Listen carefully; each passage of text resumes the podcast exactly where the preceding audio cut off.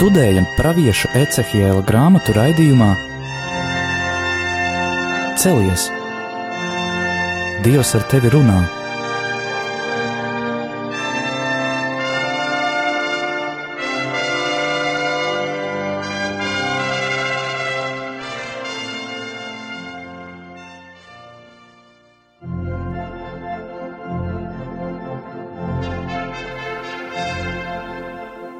Slavēts Jēzus Kristus. Mūžīgi mūžos slavēts Studijā Stela un Anģela. Bet šoreiz atkal esam divatā un turpināsim pētīt pravieša Ecihila grāmatu, jau tiekot pie 19. nodaļas, un, kā redzam, sezona jau ir gandrīz beigusies, bet esam izlasījuši tikai līdz pusei, bet kā jau iepriekš teicu, Dievam laika ir daudz, un šo vērtīgo grāmatu mēs varēsim pētīt atkal jau nākošajā sezonā, rudens pusē. Bet nedaudz atcerēsimies, par ko runāju iepriekšējā reizē. Tad lasījām 18. nodaļu, un tur redzējām, ka Ecehils ļoti skaidri parāda, pilnīgi tādu atšķirīgu nostāju, kas parādās pat arī jau Tārā, bet uz tā fona, ka vecajā derībā pārsvarā bija dominējoša kolektīvā atbildība, šie pravieši Ecehila vārdi ir ļoti nozīmīgi, ka katrs atbild par saviem darbiem, par saviem grēkiem, arī par saviem labajiem darbiem, un minēja arī Jāņa atklāsmes grāmatu, ka tur jēra troņa priekšā, kad jau vēstures zīmogi ir atdarīti, un visas lietas ir atklājušies, cilvēki katrs tiek tiesāti pēc viņu darbiem.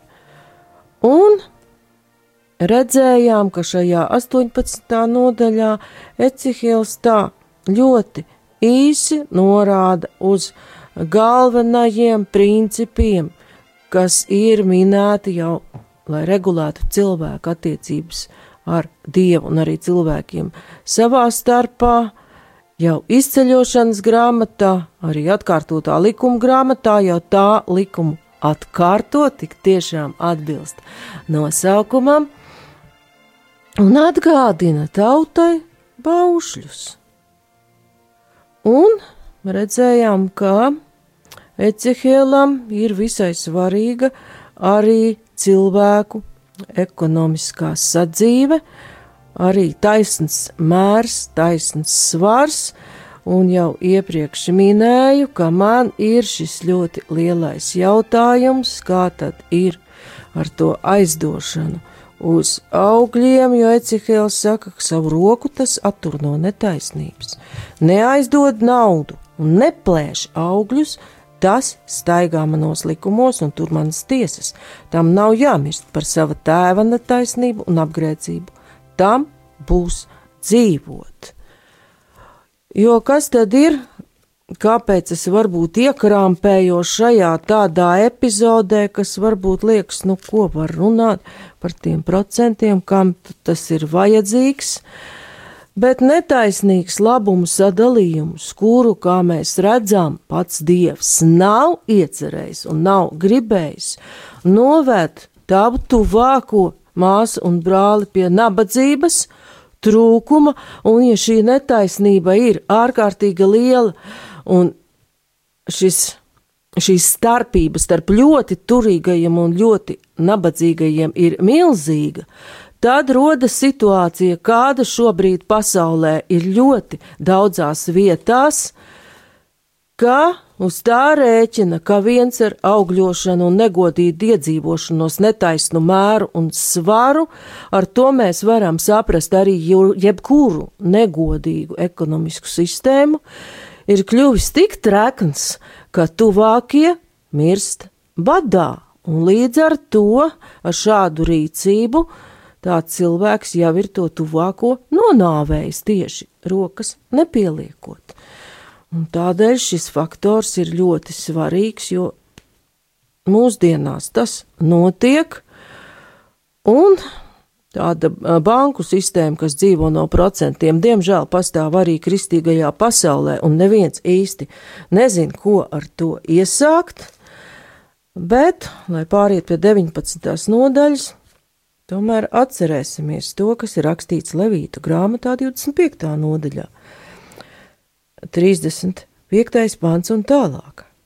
Bet, ja tavs brālis pagurst, panīkst, un viņa roka gurst un zemē noslīd tev līdzās, tad satver to stingri ar savu roku, un, lai tas būtu vai svešinieks vai piedzīvotājs, palīdzi viņam, ka viņš var dzīvot pie tevis, un neņem no viņa augļus, nec pagaidas, bet bīsties sava dieva, un lai tavs brālis dzīvo pie tevis.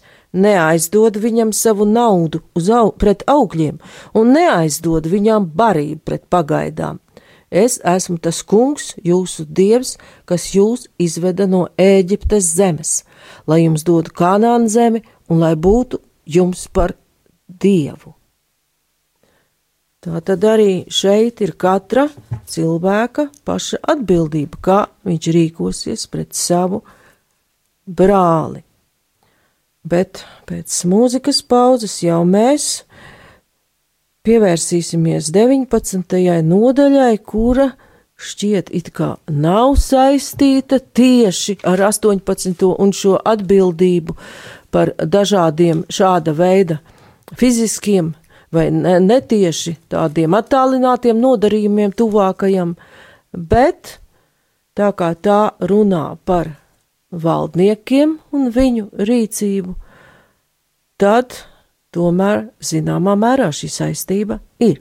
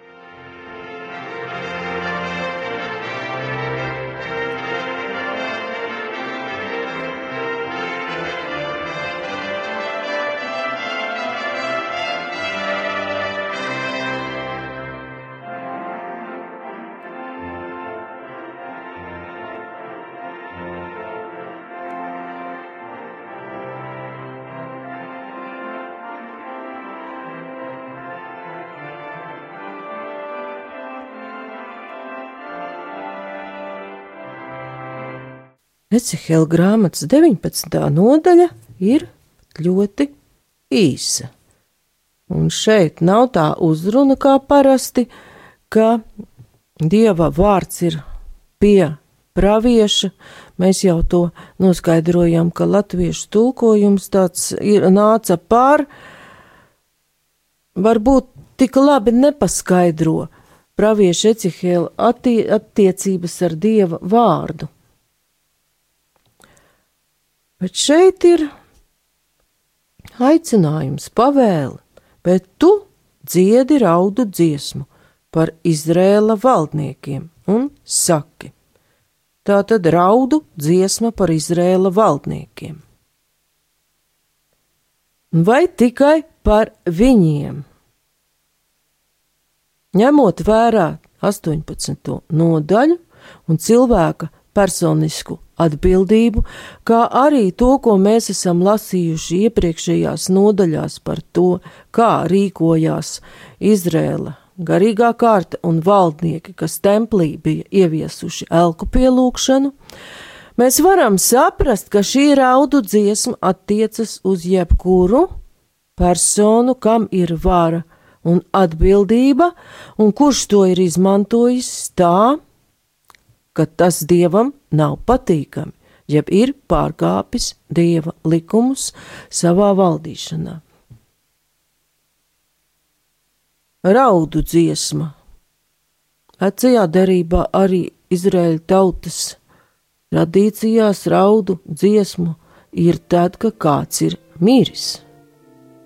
Tā tad pravietis no dieva saņem pavēli būt par apraudātāju šiem valdniekiem, kas ir atkāpušies no kunga likuma.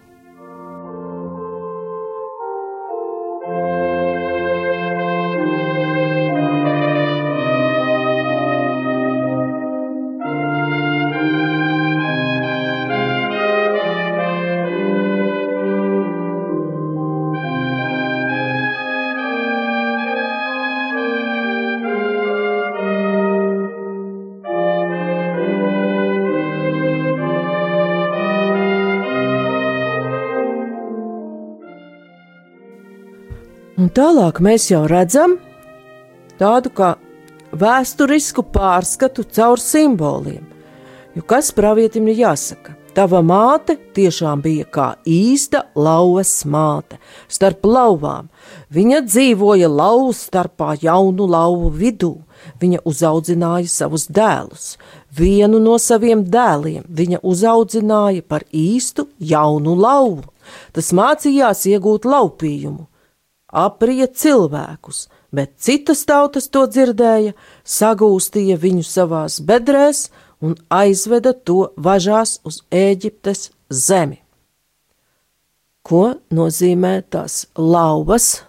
Lauva šeit ir valdnieka nama simbols, un par lauvu no jūdas cilts mēs varam jau redzēt šim jēdzienam pirmsākums vecajā derībā radīšanas grāmatā. Un pavisam citā kontekstā lauva no jūdas cilts ir redzams jau jaunajā derībā. Un kur tam mēs tas lauvas sastopam vispirms? Anģela jau te ir atradusi tekstu. Tā ir pat radīšanas grāmata, 49. nodaļa, kad Jēkabs svētīja savus dēlus Tauta, izradzētā tauta tik tikko sāk veidoties, tas ir kā maziņš, maziņš graudiņš, bet jau ir šie apsolījumi. 49. nodaļa no 8. panta varam lasīt. Jūda, tavi brāļi tevi slavēs, tava roka pie naidnieka spranda, tev zemosies tava tēva dēli. Lauvu jaunulis jūda! No medījuma mans dēls tu celsies, gulsties kā lauva, kā lauvene, kas gan piecels. Jūdam zīzli neatņems, ne valdniekas cepteri viņa ceļiem, kamēr nenāks šīlo, viņam paklausīs tautas. Pie vīna koka viņš savu ēzeli piesies, pie vīnstīgas savu ēzelēnu, Viņš mazgās vīnā savas drānas un vīnogu asinīs savu ģērbu. Un te ir iekšā abi šie simboli, kurus mēs redzam arī Ecihila grāmatas 19. nodaļā. Lauva, tad no 1. līdz 9. pantam ir runāts par lauvu.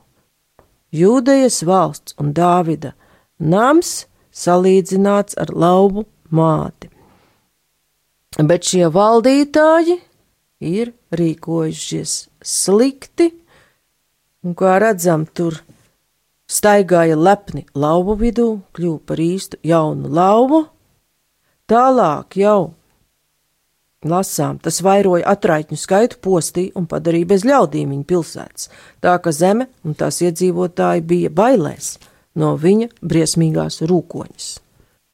Un arī varam izlasīt pravieša Jeremija grāmatā, un kungs man sacīja, sauc šos vārdus Jūdas pilsētās un Jeruzalemes laukumos.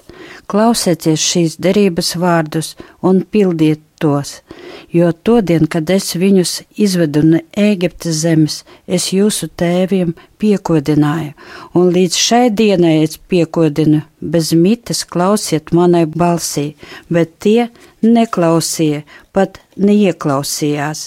Ik viens staigāja pēc savas sirds stūrgalvības. Tādēļ es liku, lai par tiem nāk visi šīs derības vārdi, kurus es pavēlēju tiem pildīt, bet tie nepildīja. Kungs man teica, jūdas vīri un Jeruzalemes vīri ir pieķerti sazvērstībā. Paldies! Tad redzam, arī šajā pravieša tekstā, ko Anģela izlasīja, ir šī neatbildīgā rīkošanās ar savām iespējām un savu varu. Ecihela tekstā ir runa it kā par dažām lauvām, vienu lauvu, bet šis simbols attiecas uz jebkuru valdītāju un konkrētais iznākums atkrišanai no dieva var arī attiekties uz jebkuru varas nesēju līdz pat mūsu dienām. Uz konkrētu notikumu norāda 4. pants, un citas tautas to dzirdēja. Tātad šīs tautas bīstas no tā, kā tas lauva uzvedas. Aprīt cilvēkus, tātad viņš posta, viņš nonāvē. Viņš aprīt cilvēkus, cits sagūstīja savās bedrēs, un aizveda to važās uz Ēģipti. Arī Jeremijas grāmatā ir rakstīts, ka pravietis pravieto tautai, ka jūs neklausīsieties, mana dvēseles leptuvē raudās jūsu lepnības dēļ, tā brēktin brēks, manas acis pieritēs asaru, jo kunga ganāmpulks sagūstīts, saki ķēniņam un valdniecei, sēdieties nu zemāk, jo no jūsu galvām nokritīs jūsu kundzības dižuma kronis. Paldies! Un Ecihela tekstā ir netieši norādīts uz tieši tādu notikumu, ka viens no šiem valdniekiem, kas nepildīja dieva gribu, Johās tiek sagūstīts un ķēdēs aizvests uz Ēģipti. Tālāk tur parādās vēl viens lauva. Kad nu viņa māte redzēja, ka bija vīlusies, tātad Dāvida nams ir vīlies, ka viņas cerības pagalam tā ņēma vēl vienu no saviem dēliem un izaudzināja to par jaunu lauvu.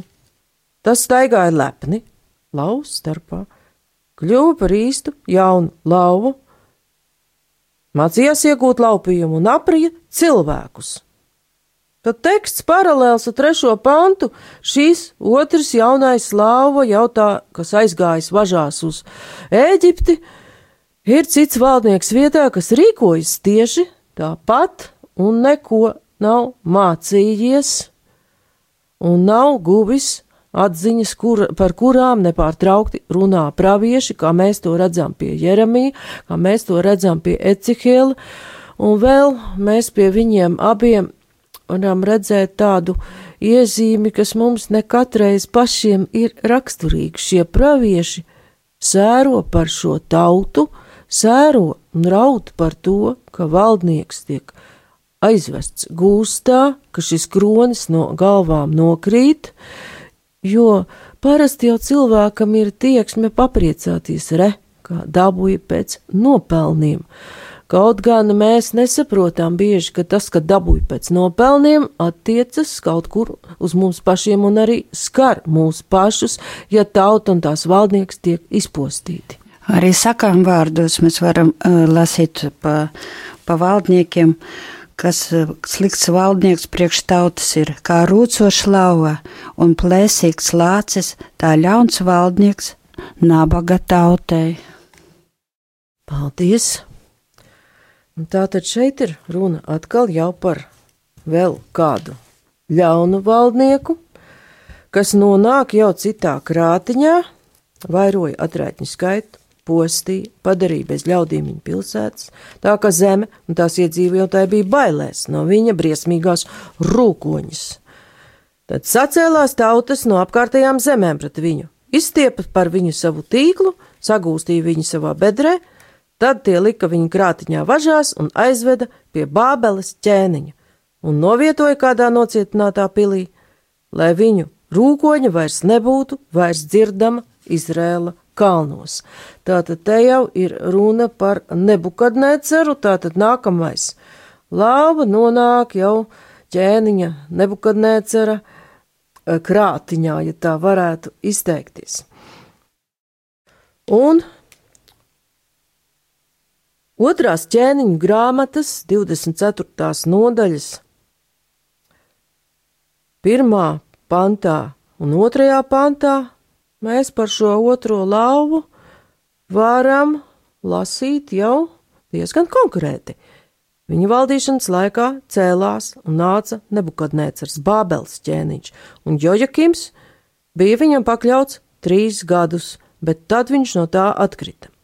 Tad tas kungs lika doties pret viņu kaldeju un aramiešu, kā arī moāba un amoniešu karapulkiem, un viņš tiem lika iebrukt jūdā, lai to iznīcinātu pēc tā kunga vārdu, ko viņš bija runājis caur saviem kalpiem, praviešiem.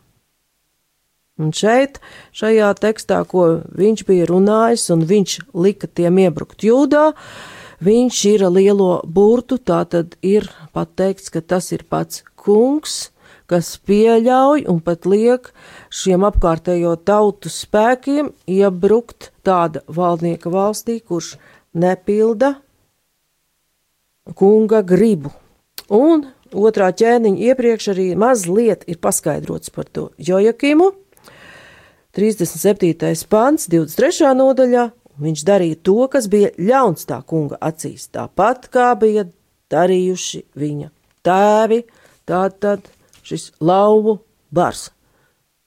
Arī pravieši iesēja grāmatā mēs varam uh, lasīt, jo kungs man teica tā, kā lauva ņurt vai lauva jaunulis pie laupījuma, kaut klaigā uz viņa viss ganu pulks, no klaigām tas nebīstas, no pūļa viss netrūkstas.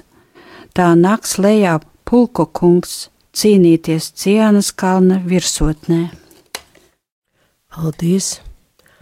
Tad mēs redzam, ka visus karus un kaujas faktiski izcīna pats Dievs, un bez viņa ziņas nekas nenotiek, lai cik mums tas liktos atbaidošs vai šausmīgs. Pēc mūzikas pauzes mēs jau ielūkosimies tekstā par to, kas tad ir tas vīna koks un kāpēc viņš tiek sadedzināts un kā to saprast.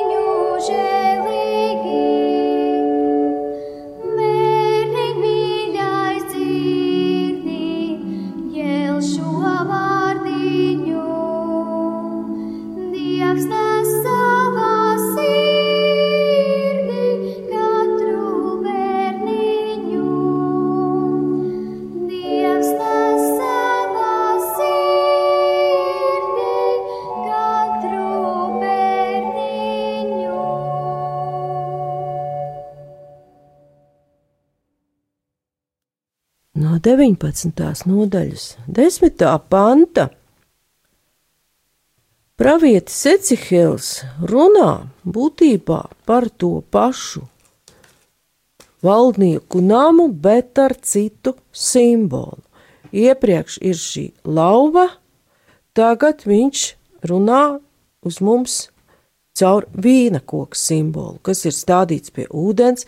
Tas bija auglīgs un pilns kuplu vīgu stīgu no bagātīgā ūdens. Tā tad ir daudz jaunu lauvu, jeb daudz atvašu, tā tad tauta ir pieaugusi kuplas skaitā, un tam bija viena spēcīga atvas, kas derēja valdnieka cepterim, tā pacēlās augsti pār citām kuplo zaru vidū, bija tālu redzama ar savu augstumu un savu zaru daudzumu. Bet tad šo vīna koku dusmās kāds izrāva un nometa zemē. Rīta vējš izkaltēja tās stīgas, tā spēcīgo atvasi norāva, tās sakalta, uguns to aprija. Tagad tas pārdēstīts tuksnesī, neauglīgā izkaltušā zemē, un uguns ir izgājusi no viņa zariem un aprijusi tā augļus. Tam nepalika pāri vairs nevienas stipras atvases valdniekas cepterim. Tad te jau ir norādījums uz šīs valdnieku nama beigām. Un par ko tur varētu būt runa? Vīna koks, vīna koks zariem, šeit ir domāta Jeruzaleme. Un kas tad ir tā atvase, ko dusmās kāds izrāva nometa zemē, un uguns aprija? Ir uzskats, Varbūt ir komentētāji, kas domās citādi, bet Metju Gendri tur saskata, ka šajā fragmentā ir runa par valdnieku Cedekiju, pēdējo valdnieku, kurš lauza vienošanos ar Nebukadnēceru, par ko mēs varam lasīt otrā ķēniņu grāmatā no 25. nodaļas pirmā panta. Un Cedekija bija atkritis no Bābeles ķēniņa, un notika viņa valdīšanas 9. gadā, 10. mēnesī, mēneša 10. dienā, kad Nebukadnēcars, Bābeles ķēniņš, nāca ar visu savu karaspēku, lai karotu pret Jeruzalemi. Viņi apmeta nometni pilsētai visapkārt un uzcēla tai visapkārt nocietinājumus. Tā pilsēta palika ielēkumā līdz ķēniņa Cedekijas 11. valdīšanas gadam. Tālāk seko apraksts par šo aplenkumu. Piektā pantā mēs lasām, bet kaldeju kajaspēks vajāja ķēniņu un panāca to jēriks līdzenumā pēc tam, kad viss viņa karaspēks bija izklīdināts un viņu pametis. Tā ķēniņš tika sagūstīts un to noveda pie Bābeles ķēniņa uz Riblu, kur tika turēta tiesa pār viņu. Bābeles ķēniņš lika nežēlīgi noslepkavot Cedekijas dēlus viņa acu priekšā, tad viņš pavēlēja izdurt Cedekijam acis, iekalt viņa vazjās un aizvest uz Bābeli. Tā tad redzam, kā ķēniņam Cedekijam tam tai atvasēji beidzās šī norunas un laušana, vienošanās laušana ar ķēniņu nebukadnēceru. Tā tad tika nolausts ne tikai viņš pats, bet arī visas stīgas, visas atvases, visi augļi tam nepalika pāri vairs nevienas stipras atvases valdnieka scepterim. Tad redzam, ka šis Dāvida nams ir beigts, viss ir izbeidzies. Un šeit ir tāds, jau var teikt, ētiskas dabas jautājums, vai šoreiz tiešām nebukadnēcars bija tas briesmīgais un sliktais. Un mēs varam arī uzdot jautājumu, vai ar pretinieku noslēgtu, pat ienaidnieka noslēgtu vienošanos, drīkstēja šādā veidā laust.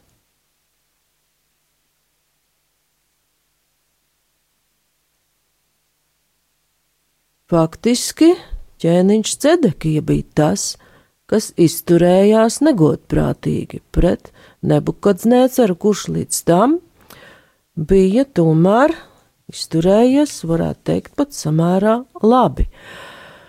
Un kā var dzīvot un būt uzticams gan dievam, gan valdniekam, godprātīgi mēs esam par kādu citu gūstā aizvē, aizvestu vīru jau mācījušies tādu labu laiku iepriekš.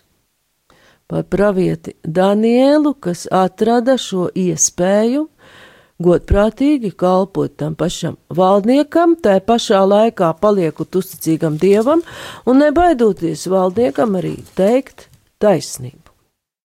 Jā, un mēs, mēs varam arī izlasīt Jāņa evangēliju 15. nodaļu, kura ir rakstīts: Es esmu patiesais vīna koks, un dārzkops ir mans tēvs. Katru zaru manī, kas augļus nenes, viņš noņem, un katru, kas augļus nes, viņš šķīstī, lai tas jau vairāk augļus nestu. Jūs esat jau šķīsti, tā vārda dēļ, ko es jums esmu runājis. Palieciet manī, un es jūsos, kā zars nevar nest augļus pats no sevis, ja tas nepaliek pie vīna koka Tāpat nevarat arī jūs, ja nepaliekat manī. Es esmu vīna koks, jūs esat zari. Kas manī paliek, un es viņā, tas nes daudz augļu, jo bez manis jūs neko nespējat darīt. Kas nepaliek manī, tas ir kā zars, kas tiek izmests ārā un sakalst tos savāc un met ugunī, un tie sadeg. Paldies! Tātad šeit mēs redzam šos pašus simbolus jau jaunās derības kontekstā, ka Dāvida nams jau dzīvo un pastāv jau caur Jēzu Kristu, un tur jau ir runa par citu. Jeruzalemi, kuras aprakstu mēs redzam pilnībā Jāņa atklāsmes grāmatā jau par šo vīna koku, par šo valdnieku, kurš atver debesu valstību un cilvēku aicinājumu būt par šiem zariem, un kā, teiktu, kā teikts Pētera vēstulē, būt par ķēniņiem un priesteriem un svētai tautai, ar zariem pie šī vīna koka. Tā tad atkal ir šis simbols.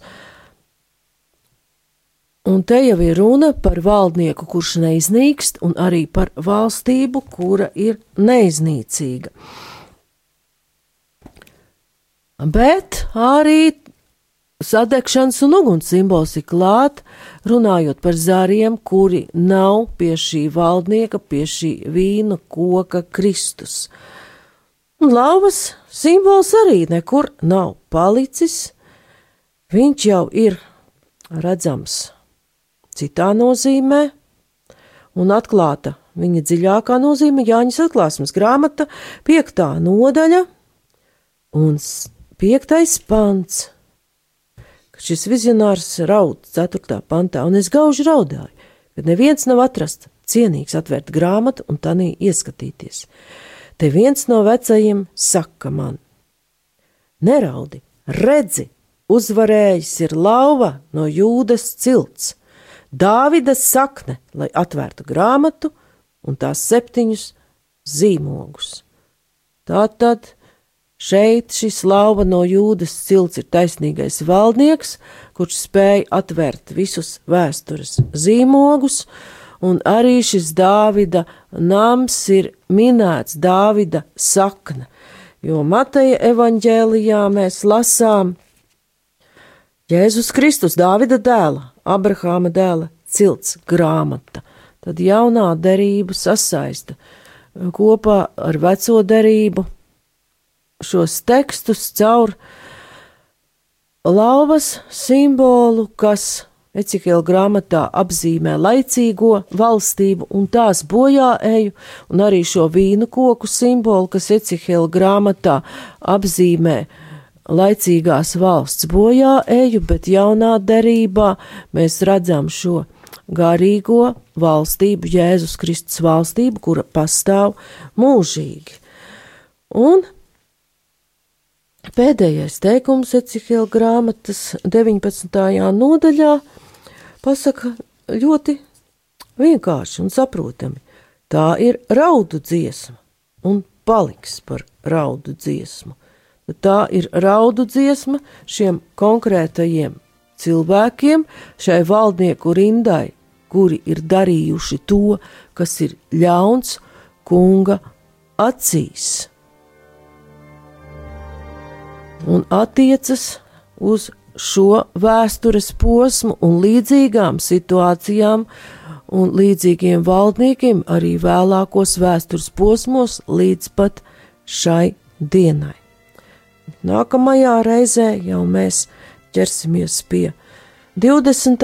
nodaļas, kur atkal teksts atkārto par Izraēļa pretestību dieva gribai, un tomēr notiek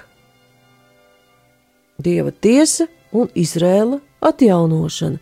Tātad šo sezonu mēs tomēr nākamreiz pabeigsim ar cerību uz atjaunošanu. Paldies par uzmanību! Studijā bija Stela un Anģela.